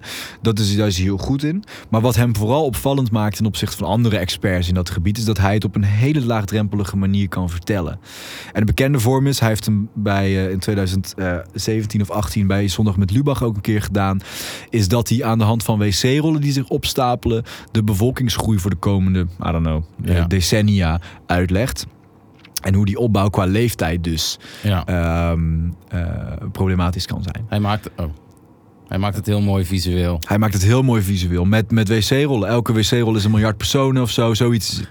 Ja. En, eh, en, en dat doet hij heel goed. En ehm, hij heeft dat ook eerder gedaan eh, voor de BBC. Een programma waarin hij voor een graphic staat die ani- animeert. En waarin hij de levensverwachting en de eh, economische groei in de wereld laat zien. Van 1800 nog wat tot nu. ja. En hij kon dat heel bevlogen vertellen. En in die zin is het best een inspiratiebron. Want ik ken heel veel mensen die niet per se, eh, nou die niet net zoals ik data nerd zijn. Of diep in de, weet ik veel, in de sociologisch, demografische dingen geïnteresseerd zijn waar hij over schrijft. Maar die hem wel kennen door zijn presentatievorm. ja. En ehm, dat is wel een inspiratie om, voor mij om eh, op een laagdrempelige manier mensen met datakennis te laten maken en met de visuele weergave van data. Ehm, zonder dat het meteen wetenschappelijk of complex of, of, of, of ehm, binnen de, de, de conventionele grafiekvormen. Want hij gebruikt wc-rollen in plaats van staafdiagrammen. Maar dat werkt heel goed. Ja. eh, vallen, om ze zo toch wel eh, eh, betrokken bij die data te kunnen laten raken. Ja, vet. Dus op dat eh, gebied is hij inspirerend voor jou geweest? Of is hij dat zeker. nog steeds Ja, wel? nee, zeker. Ja. Ja. Ja. En ehm, heb jij nog meer helden? Of mensen waarvan je zegt, die zouden meer aandacht verdienen, want die zijn heel inspirerend. Wat, wat inspireert? Wie inspireert jou? Ja, ik vind dat altijd een lastige vraag. Want ehm, ik, ik zou willen dat ik daar een eenduidig antwoord op had. Van Ja. die, die, die persoon is het. Ik heb, ik heb bijvoorbeeld altijd wel veel bewondering voor wat eh, Vincent Patty, Jiggy J, eh, heeft gedaan. Eh, die vanuit, als, als rapper zijnde, vanuit liefhebber Noah's Ark... toen nog een heel pril label heeft opgezet. Dat Mhm. nu dan samen met Topnotch heeft gedaan. podcast maakt. En volgens mij iemand die heel goed begrijpt... ehm, hoe je van, eh, ja, vanuit je eigen hobby- en interessegebied iets groters kunt creëren. En dat is waar ik eigenlijk met alle dingen die ik doe constant mee bezig ben. Ja. Dus kijk, ik, het, ik, zou- hem iets te veel veren geven door hem als held te bestempelen. Ja. Maar het is wel Dat iemand wel, die ik. qua carrière... ja, precies. Rap. In zijn raps, ja. Eh, maar wel iemand die ik dan, een, ik ken hem een klein beetje vanuit bij Topnotch natuurlijk, maar eh, vanuit carrièrepad iets heeft zien doen waar ik denk van nou, vind ik best een fraai pad. Mooi. Ja. Dus, dus die zit daar qua Ja. inspiratiebron dan ook wel in, in een soort bredere context die verder gaat dan puur wat ik creëer. Juist. Ik, ik hoor je net zeggen, ik- mijn vraag nu of ik dat goed eh, interpreteer. Ehm, ik maak dingen om ze te laten groeien. Ja. Doe je dat dan ook bewust of maak je vooral wat je leuk vindt? Of heb je eigenlijk wel, als gauw je met iets begint, denk je, oké, hoe zorgen we dat dit body krijgt en ook eh, bereik? Nou ja, want dat is, dat is, dat is, het, eh, dat is een goede, die, die, dat bereik zit het hem in. Eerder noemde je al van je wil volgens mij best wel graag jezelf en de dingen die je maakt laten zien. Ja. Ik zou nooit iemand, en daar ben ik gewoon niet bescheiden genoeg en veel te ijdel voor, nooit iemand zijn die iets maakt voor zijn zolderkamer. Nee. Er zijn mensen die, die schilderen lekker en die doen dat en dat, dat is dan prima. Ja. Of, eh, of, of je maakt fotografie en dat, dat blijft dan gewoon lekker op je eigen ding staan. Nee, ik wil wel altijd iets maken eh, om te kunnen laten zien. En misschien is dat ijdelheid. Misschien is het ook gewoon van... hé, hey, ik wil dit met het verhaal erachter met jullie delen. Ik bedoel, Ja. ik ben niet voor niks journalistiek ingegaan. Ik maak niet voor niks muziek. Ja. Jij maakt ook muziek omdat je het ook wil delen. Ja, je brengt het daar ja. uit, hè? En dat is eigenlijk met alles wel wat ik, alles wat ik doe, is dat wel zo. Ik zou dat niet zo snel op een schijf laten staan, want dan is het gecreëerd en dan is het klaar. Maar kun jij duiden, want je zegt, ja, jij doet het ook, ik doe het ook. En ik Ja. vraag me dan af, waarom moet het naar buiten? En waarom hou ik het, is, als het gemaakt is, is het goed. Maar het moet dan toch naar de mensheid. Waarom moet het naar de mensheid? Een stukje ijdelheid, Ja, denk ik. Maar wat is, wat is dat dan? Ijdelheid? Ehm, laten zien dat, ehm, nou ja, in dit geval mezelf betrekken, dat ik dit, dit heb ik gemaakt. Ja, ik wil jullie reactie. Ik wil jullie reactie. ja. En, en bij voorkeur positief. Maar dat is het. Ik wil je reactie. Want je Ja. zou inderdaad kunnen Ja. zeggen op het moment dat het gemaakt is. Of het nou foto, muziek, graphic, whatever is. Is het eruit? Ja. Nee, ik wil die reactie. Ja. En kijk, de, de dingen die ik maak, die zijn eigenlijk altijd... eh, bijvoorbeeld met Rap Fact Check, die zijn humoristisch van aard of die zijn eh, ja, een beetje journalistiek van aard, zoals die nieuwe artiesten waar ik mensen kennis mee wil laten maken. Maar dat zijn dingen die, die, die ik hoop dat die een glimlach op iemands gezicht hebben. Of ze moeten lachen om de graphic. Of ze denken, oef, dit is een toffe nieuwe artiest. En je hebt het leuk verteld. Dus daar ben ik. De, ik heb die minuut op Instagram heb ik afgekeken. En dat zijn dingen die een positieve reactie oproepen. Ik ben niet iemand die heel activistisch is bijvoorbeeld. Het is binnen Rap zit dat wat minder hoor. Maar eh, die, niet iemand die een reactie op wil wekken van ehm, activisme. Of, of, of per se verandering teweeg brengen of zo. Het, het moet leuk zijn. Ja, dat is misschien ook wel een beetje hoe ik, ehm, hoe ik door, het, door, het, door het leven ga. Alles moet leuk zijn. Ja. Dat is ook een beetje mijn valkuil soms. Ik, ik wou je daarna gaan vragen, maar hier heb je hem al. Ja. Dus dat weet ik heel goed. Maar dat zit ook in die, in die rap fact check dingen. Toen ik ermee begon, ik was een beetje bang eh, als ik iets ging factchecken, dat rappers misschien zouden denken dat het een diss zou zijn. ja. Ehm, terwijl, eh, want het moet leuk zijn. Dus als ik factcheck of Stix huur kan betalen van zijn lijn. En hij had het door, hij vond het super tof. Ja. Maar ik hoop, heeft hij wel door dat ik niet die zijn line onderuit aan het halen ben. Ja. En dat is Ja. gelukkig nooit gebeurd hoor. Maar dat was wel een ding van het moet wel leuk zijn. Ik ben niet iemand die daar dan in hoeft te gaan vroeten van... ehm, eh, ik ga je voor paal zetten. Nee. Maar je hebt wel je hebt een besef van, oké, dit, eh, ik hoop dat dit goed landt. Ja, Desondanks ga ik het proberen. Want ik wil wel, Ja. ja. Als het goed gaat, gaat het goed. Gaat het niet goed, dan neem ik dat risico maar even. Maar dan moet ik ontdekken. Je laat je niet op voorhand tackelen door dat soort... Nee, en weet je wat het wel is bij rap fact check dingen? Vaak is het zo over de top. Ehm, de allereerste die ik maakte, dat was eh, van Lil Klein. En alle tieners zeggen ja tegen MDMA. Ja. Ben ik het uit gaan zoeken. Naar 2,7% van de tieners zei in dat jaar ja tegen MDMA. Natuurlijk is dat niet 100%, maar dat is een grappige knipoog. Ja. Eh, eh, op een gegeven moment Frenna die zegt stress maakt je ouder, ik ben 60. Nou, heb ik uitgezocht. Door stress kun je inderdaad je verouderingsproces versnellen, dat klopt. Ja. Maar hij was 25. Je kunt niet eh 35 jaar eh, Erop in- stressen. erop, erop stressen. Dat is te lang. Dat is een Ja. paar jaar is uitgezocht door Australische onderzoekers. Natuurlijk gaat hij dat niet checken. Natuurlijk niet. Dus, dus het, Nou is, ja, het is... Waarom niet? Maar nee, tuurlijk. ik Hij gaat niet checken Ja. van... Het, het rijmde waarschijnlijk. eh, Precies, eh, daarom, ja. Eh, eh, hij had ook 30 kunnen zeggen. Dat had ook eh, een soort van geruimd. Dan had het ook nog niet binnen een onzekerheidsmarge gevallen. Maar dan had het misschien wat dichter erop. Maar die dingen zijn zo over de top dat het niet uitmaakt. Maar ik wist niet of dat zou lukken. En eh, wat ik wel grappig vond... Ik was in 2016 was ik eh, bij De Wereld Draait Door. Ehm, eh, ik deed het nog niet zo lang, maar heel tof. Ik heb toen tafelgast geweest en over Rap Fact Check verteld. Een aantal dingen laten zien die ik toen had gemaakt. Kijk. En toen vroeg, eh, ehm, eh, shit, hoe heet ze nou? Niet Carice van Houten, maar die andere, Helene van Rooyen. Kan. Volgens mij. Ja. Die, die vroeg toen, ehm, dat vond ik een hele ap- aparte vraag. Die vroeg toen van, ja, maar luister je al deze muziek nou omdat je het leuk vindt? Vind je het genre leuk? Ja, ja. En dacht ik van, oh wauw, grappig. Want voor mij ligt dat er zo dik bovenop dat ik liefhebber ben. Want ik zou niet, één, thema's kunnen interpreteren als ik niet weet wat er speelt in de muziek. Want dan haal je dat er helemaal niet uit. Ja. Twee, ontzettend veel tijd besteden aan het uitpluizen van teksten en dat in Ja. spreadsheets verwerken. Om daar vervolgens dan ook nog een graphic van te gaan maken. En drie, aandacht besteden aan een genre dat ik niet tof vind. Want ik heb, ik heb niks met, weet ik veel, eh folkrock. Ik ga Nee. niet een heel account openen met allemaal dingen over folkrock. Omdat ik het misschien dan Nee, denk nee, dat het kliks oplevert. Dus Zou je ongelukkig worden. ja, dus ik vond het wel een grappige vraag. Want voor mij was het super logisch. Van dit is een liefhebber en die heeft daar zijn eigen interessegebied. En Ja. kunde data-analyse, datajournalistiek op losgelaten. Ja, maar ja. die vraag, die, eh, zij was toen eh, tafelgast. Die, ehm, dat is een mooie vraag. Ja, terwijl het voor mij super logisch was. Ja. En volgens mij, Is ik weet ook. niet of hoe jij dat bijvoorbeeld de eerste keer had toen je eh, Rap Fact Check zag of toen we elkaar ontmoetten van. Dat, ik weet niet of het duidelijk was dat ik liefhebber ben. Ja, kijk, volgens mij als je eh, gewoon zonder wat dan ook te weten die pagina vindt, dan lees je meteen, oh, dit is iemand die vindt dit tof. Ja. En als je jou spreekt, dan straalt dan alles eraf van, ja, die vindt dit vet. Anders, A, doe je het niet, maar je zit er ook bij, je gaat, je gaat grijnzen en je vindt het gewoon tof. Ja. Dus dat is denk ik ook de beste drive om Ja. het te maken. ja. Maar goed, zij komt uit een andere hoek. Ja.